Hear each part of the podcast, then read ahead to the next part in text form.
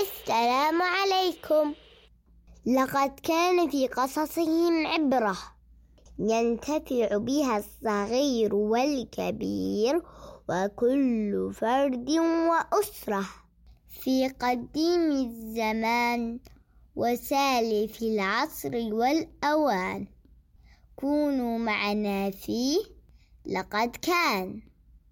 صديق العائلة في كل الأوقات في البيت والسيارة والطرقات. قصص نرويها من عالم الحقيقة والخيال. فيها شخصيات ذات حكمة وبديهة وأخرى ذات مكر وحيلة وشخصيات ذات شجاعة وفخر وأخرى ذات خدعة وشر.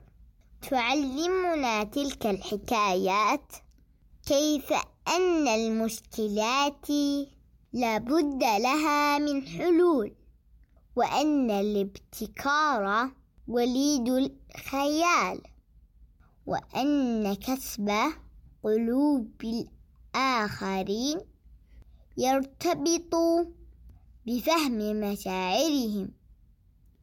وختاما يسعدنا تسجيلكم في القناة واستماعكم لحكاياتنا ونشرها للأقرباء والأصدقاء. إلى اللقاء.